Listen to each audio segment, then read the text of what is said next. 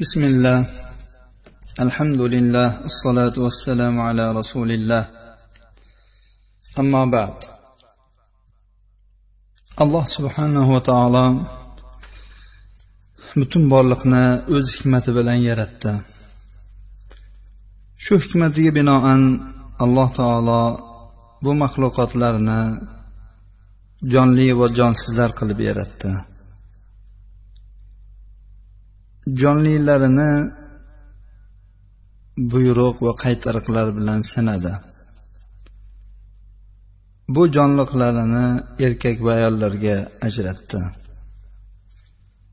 Alloh subhanahu va taolo aksar buyruqlarida va qaytariqlarida xitobni bu ikki jinsga qaratgan bo'lsa-da o'z hikmatining taqozosiga ko'ra erkak qilib yaratgan bandalariga o'zlariga xos ayol qilib yaratgan bandalariga o'ziga xos bir hukmlarni ham bayon qildi. Chunki ularning o'ziga xos tabiatlari bor. O'zlarining jismoniy tuzilishlariga ko'ra qaysidir ishlariga mukallaf bo'ladilar.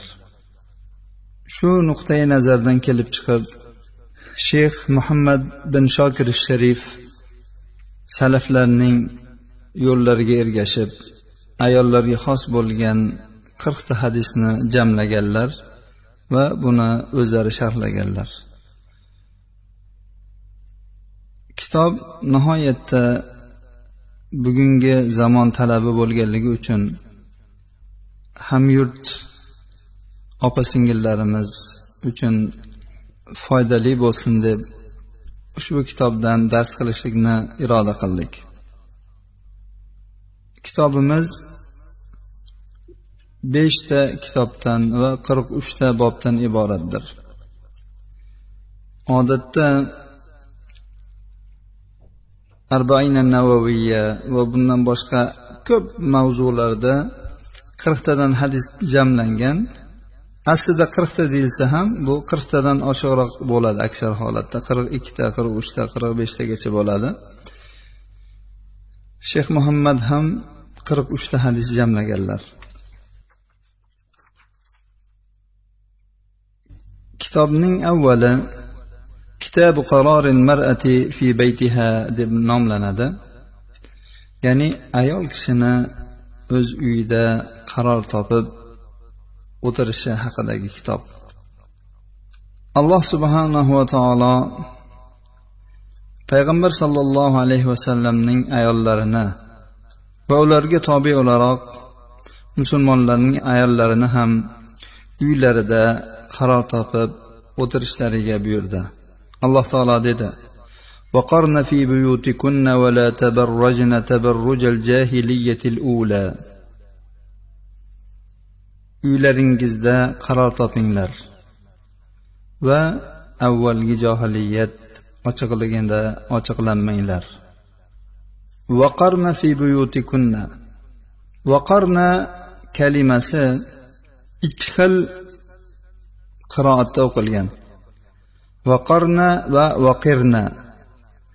Qof birinchisida fatha bilan ikkinchisida kasra bilan o'qilgan. Ahli madina va ba'zi kufiylar vaqarna deb o'qigan bo'lsalar ko'fa va basraliklarning aksarlari vaqirna deb o'qiganlar. Har ikki kalimaning o'ziga xos ma'nosi bor. Vaqarna degani qaror topinglar degani ya'ni qaror topib o'rnashinglar. Ya'ni o'sha o'rnashgan joylardan ko'chmanglar chiqmanglar degan ma'noda. Vaqirna degani esa ahli sakina ahli vaqor bo'linglar ya'ni viqorli bo'linglar degani. Agar bir oyat bir necha xil qiroatda o'qiladigan bo'lsa har bir qiroat o'ziga xos ma'noni ifoda qiladi va o'ziga xos hukmni ham ifoda qiladi. Demak vaqarna degani uylaringizda o'tiringlar qaror topinglar uylaringizdan chiqmanglar. Vaqirna viqor bilan o'tiringlar ya'ni uylarida viqor bilan ya'ni xorlanib emas viqor bilan uyda o'tiringlar degan ma'noni anglatyapti. Oyatda agar e'tibor bergan bo'lsak alloh taolo fi buyutikunna dedi. Uylarni ayollarga nisbatladi uylaringizda dedi. Ya'ni garchi uylar aksar holatda erlarniki bo'lsa ham bu yerda ayollarning uylariga aloqasi katta bo'lganligi uchun uylaringizda o'tiringlar dedi. Ya'ni uyni ayol kishiga nisbatladi. Bundan tashqari oyatning davomida alloh taolo dediki vala tabarrujna tabarrujal jahiliyatil ula. Bu tabarruj degani ochilish degani. Ya'ni uyda o'tirishga buyurishlikdan keyin shuning orqasidan bevosita shuning orqasidan alloh taolo ayollarni johiliyatdagi kabi ochilmaslikka buyurdi ya'ni ochilishdan qaytardi. Bu ham e, ayol kishini uyda o'tirishligiga bir ta'kiddir. Ya'ni uylarida o'tirsinlar ko'chaga chiqmasinlar. Ko'chaga chiqsa ko'chaga chiqish odatda ayol kishini ochilishiga e, sabab bo'ladi. Demak oyatning ma'nosidan bizga ochiqlanyaptiki aslida ayol kishi uyda o'tirishi kerak ekan. Agar ayol kishi o'zini bilib uyda o'tirsa yaxshi. Agar o'tirmaydigan bo'lsa uning valisi otasi bo'lsin eri bo'lsin akasi bo'lsin ayolni uyda o'tirishlikka majbur qilish kerak. Ayol kishi agar zarurat bo'lmasa uydan chiqmasligi asl ekanligini aytib o'tdik. Oysha roziyallohu anhudan rivoyat qilinadi. Bir kuni savda roziyallohu anhu hijob farz bo'lgandan keyin bir hojati uchun chiqdilar. U ayol gavdalik ayol bo'lganligi uchun tanigan odamlar uni hijobda ham tanib olardi. Ana shu chiqqanida uni umar roziyallohu anhu ko'rib qoldilar va aytdilarki ey savda allohga qasamki biz seni taniymiz. Sen nimaga qanday chiqayotganligingga bir qarab qo'ygin dedi. Ya'ni umar roziyallohu anhu rasululloh sollallohu alayhi vasallamni ayollarini shu ko'chaga chiqib bir ozorlanib qolishliklarini karih ko'rardilar. Garchi hijobda bo'lsalar ham. Shunda savdo onamiz tez orqalariga qaytdilar va rasululloh sollallohu alayhi vasallamning huzurlariga kirdilar. Oysha onamiz aytadilarki rasululloh sollallohu alayhi vasallam e, mening uyimda kechki ovqatni yeb o'tirgan edilar. Qo'llarida hattoki bir e, ustixon suyak bor edi go'shtini e, yeb turgandilar. Shunda savdo kirib ey rasululloh men shu hojatim uchun chiqqandim umar meni ko'rib qolib shunday shunday dedi deb aytdilar. Shu lahzaning o'zida rasululloh sollallohu alayhi vasallamga vahiy nozil bo'ldi. So'ngra dedilar sizlarga hojatlaringiz uchun chiqishga ruxsat berildi.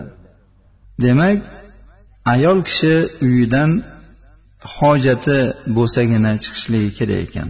Agar hojati bo'lmaydigan bo'lsa ayol kishi uyda o'tirishi kerak ekan. Ayol kishining uyda o'tirishligini juda ham ko'p foydalari bor. Shu foydalarning ba'zilarini zikr qilib o'tamiz. Ayol kishining uyda o'tirishligi o'zi uchun ham ahli oilasi uchun ham jamiyati uchun ham foydalidir. Bularning ya'ni foydalarning eng eng birinchisi u parvardigori robbi alloh taologa itoat qiladi va rasuliga itoat qiladi agar uyda o'tiradigan bo'lsa. Ikkinchisi turmush o'rtog'ining xizmati uning hojatlarini bajarish uchun bemalol vaqt topadi. Farzandlarini tarbiyalash uchun ularga qarash uchun yetarli vaqtga ega bo'ladi. U bu ishlarni bog'chalariga yoki tarbiyalovchi ayollarga enagalariga qoldirmasdan o'zi qiladi. Foydalardan yana biri uyiga qaraydi. Uyini tozaligiga e'tibor beradi. Uyini tartiblaydi. Foydalardan yana biri eng insonning hayotida muhim bo'lgan vaqtga ega bo'ladi. Vaqti yetarli bo'ladi. Alloh taoloning ibodati uchun dinini o'rganish uchun ilm o'rganib amal qilishlik uchun yetarli vaqti bo'ladi. Undan tashqari ayol kishi rohatil badan ya'ni kirdi chiqdi bordi keldilardagi mashaqqatlardan rohatda bo'ladi. Foydalardan yana biri agar bir ayol uyda o'tirgan bo'lsa va hamma ishlarini chiroyli bajarayotgan bo'lsa u o'zidan boshqa ayollarga ham namuna bo'lishi mumkin. Va buning ortidan unga ulkan ajr savoblar keladi. Agar boshqa ayollar ham shu ayoldan o'rnak olib uyda o'tirsalar. Ayol kishining uyda o'tirishi unga ko'p foydalarni olib keladi. Masalan uning dinini saqlaydi uni o'zini obro'sini saqlaydi. Ko'chaga chiqqan paytda u birovlarga ozor bermasa ham boshqalar unga ozor berishi mumkin. Unga qarashi mumkin qarash bilan ozor berishi mumkin gap bilan ozor berishi mumkin har xil usullarda ozor berishi mumkin. U mana shu ozordan salomat bo'ladi. Ko'chalarda mumkin tiqilinch joylarda erkaklar bilan aralashishga to'g'ri kelib qolar. Ko'chaga chiqmagan ayol mana shu ishlarning hammasidan salomat bo'ladi. Endi bu ayol kishini ko'chaga chiqishi ishlashi va hokazo. Bu xususlarda inshaalloh o'z o'rnida gaplar ya'ni keladi gapiriladi inshaalloh. Hozir ayol kishi aslida nima qilish kerak? Uyda o'tirish kerakmi yoki ko'chaga chiqib jamiyatning bir bo'lagi bo'lib erkaklar bilan teppa teng ko'chada yurish kerakmi degan savolga javob bo'ldi xolos. Birinchi bob babu qaroril mar'ati fi baytiha. خير لها من الخروج ولو إلى المسجد ayol kishining uyida o'tirishi u uchun hattoki masjidga bo'lsa ham chiqishdan ko'ra yaxshiroq ekanligi haqidagi bor عن ابن عمر رضي الله تعالى عنهما قال قال رسول الله صلى الله عليه وسلم لا تمنعوا نساءكم المساجد وبيوتهن خير لهن ibn umar roziyallohu taolo anhudan rivoyat qilinadi. Dedilar rasululloh sollallohu alayhi vasallam aytdilar ayollaringizni masjidlardan man qilmangiz. Uylari ular uchun yaxshiroqdir. Bu hadisni abu dovud namoz kitobida besh yuz oltmish yettinchi raqam bilan rivoyat qilganlar. Shayx alboniy sahih sunan abi davudda besh yuz o'ttizinchi raqam bilan sahih sanaganlar. Alloh taoloning yuqoridagi buyrug'ini eshitgan musulmon erkaklar ayollarni uyda o'tirishlikka shu darajada majbur qilishlikka yetdilarki hattoki ular ayollarni masjiddan ham to'sib qo'yishlikka bordilar. Shunda rasululloh sollallohu alayhi vasallam musulmon erkaklarni umuman musulmonlarni ayol kishining masjidga chiqish yoki chiqmaslik xususida to'g'ri yo'lga yo'llab qo'ydilar. Ya'ni agar ayol kishi masjidga chiqib namoz o'qiyman deydigan bo'lsa o'ziga xos shart sharoitlarga amal qilib chiqadigan bo'lsa ayollarni man qilmaslik man qilmaslikni bayon qilishliklari bilan birga ayollar uchun uylari yaxshiroq ekanligini ham uqtirib o'tdilar ayol kishi uchun masjiddan ko'ra uyi yaxshiroq ekanligiga dalolat qiluvchi bir nechta hadislar bor shulardan ba'zilarini keltirib o'tamiz an ummi humayd امرأة أبي حميد الساعدي أنها جاءت النبي صلى الله عليه وسلم فقالت يا رسول الله إني أحب الصلاة معك قال قد علمت أنك تحبين الصلاة معي وصلاتك في بيتك خير لك من صلاتك في حجرتك. وصلاتك في حجرتك خير من صلاتك في دارك. وصلاتك في دارك خير لك من صلاتك في مسجد قومك. وصلاتك في مسجد قومك خير لك من صلاتك في مسجدي. قال فأمرت فبني لها مسجد في أقصى شيء من بيتها. وأظلمه فكانت تصلي فيه حتى لقيت الله عز وجل وهذا إمام أحمد رواية قليلا أم حميد أبو حميد السعدي رضي الله عنهما ayollari nabiy sollallohu alayhi vasallamning huzurlariga keldi va aytdiki ey rasululloh men siz bilan birga namoz o'qishni yaxshi ko'raman ozod dedilarki men sizni men bilan namoz o'qishni yaxshi ko'rishligingizni bildim Shunday bo'lsada sizning uyingizda o'qigan namozingiz hujrangizda o'qigan namozingizdan ko'ra yaxshiroq. Hujra deb bugungi kundagi uydagi zalni aytiladi yoki dahliz desak ham bo'ladi. Sizning zalingizda o'qigan namozingiz hovlingizda o'qigan namozingizdan ko'ra yaxshiroqdir. Hovlingizda o'qigan namozingiz mahalla masjidingizda o'qigan namozingizdan ko'ra yaxshiroqdir. Mahalla masjidingizda o'qigan namozingiz mening masjidimda o'qigan namozingizdan ko'ra yaxshiroqdir dedilar. Shunda bu ayol rasululloh sollallohu alayhi vasallamning maqsadlarini yaxshi tushundilar va ahliga buyurdilar ular unga uyning eng ichkarisiga va eng qorong'i joyiga bir masjid qurib berishdi. Masjid deganda bir namoz o'qiydigan alohida joy qilib berishdi. U ayol to alloh azza va jallaga yo'liqqunicha mana shu yerda namoz o'qidi. Ya'ni o'la o'lguncha mana shu joydan chiqmadi. Namoz o'qimoqchi bo'lsa faqat shu joyda namoz o'qidi. Bu ma'nodagi hadislardan yana biri.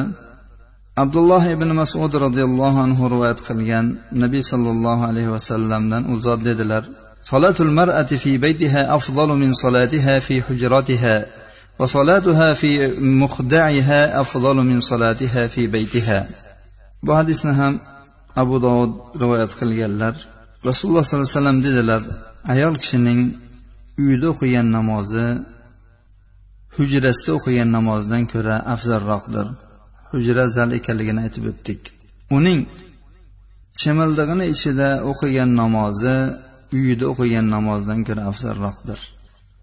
Uyi deganda masalan ayol kishini e, bugungi kunda yotoqxonasini tushuniladigan bo'lsa muhda degani bu uyning ichida odatda bir alohida bir qimmatbaho narsalarni saqlab qo'yiladigan bir kichkina ya'ni omborga o'xshagan joyga aytiladi. Bizda chimildiq bunga ko'proq to'g'ri keladi. Kelinchak yangi kelin o'zini shu yotoqxonasida ham chimildiqni ichida o'tiradi. Xuddi shunga o'xshash chimildig'ini ichida o'qigan namozi uyida o'qigan namozdan ko'ra afzalroq dedilar. Demak bu yerdagi afzallik nimada bo'lyapti afzallik qancha ko'zdan yiroq bo'lsa shu afzalroq bo'lyapti. Hammaga ma'lumki masjidda namoz o'qish masjidga borish masjidning fazli ma'lum va ma'ruf buni hamma biladi.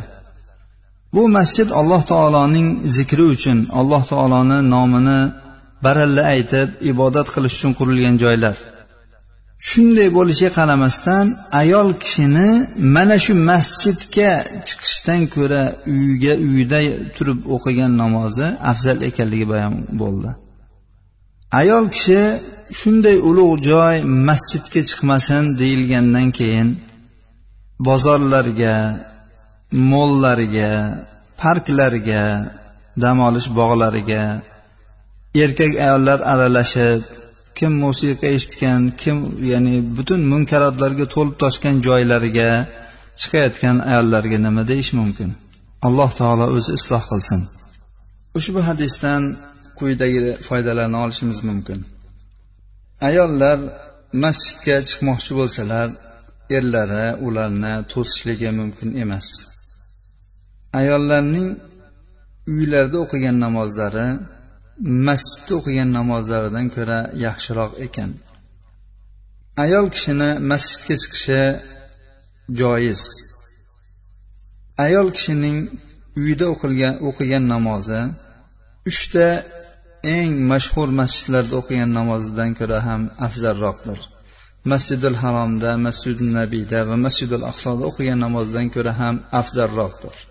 Kimdir e'tiroz bildirishi mumkin buni qayerdan olindi deb. Rasululloh sollallohu alayhi vasallam ushbu hadisni aytgan paytlarida o'zlari madinada edilar. Masjidlarining fazilati ma'lum edi. Shunday bo'lsa ham ayol kishini uyida o'qigan namozlarini afzalligini aytdilar va bundan tashqari istisno qilib aytib qo'ymadilarki mening masjidimda yoki masjidil haromda o'qigan namozi afzalroqdir demadilar. Yana oladigan foydalarimizdan biri masjidlarda namoz o'qishning afzalligi va bunga bo'lgan targ'ib erkaklarga xos ayollarga emas ekanligidir. Foydalardan yana biri uylar erkaklarniki bo'lsada ayollarga ham buni izofa qilib uylari deb aytishlikning joizligi garchi ular uyga ega bo'lmasalar ham alloh subhanahu va taolodan ushbu boshlagan darslarimizni o'zimiz uchun ham butun muslima opa singillarimiz uchun ham foydali qilishligini alloh taolodan so'rab qolamiz هذا وصلى اللهم على نبينا محمد وعلى آله وصحبه وسلم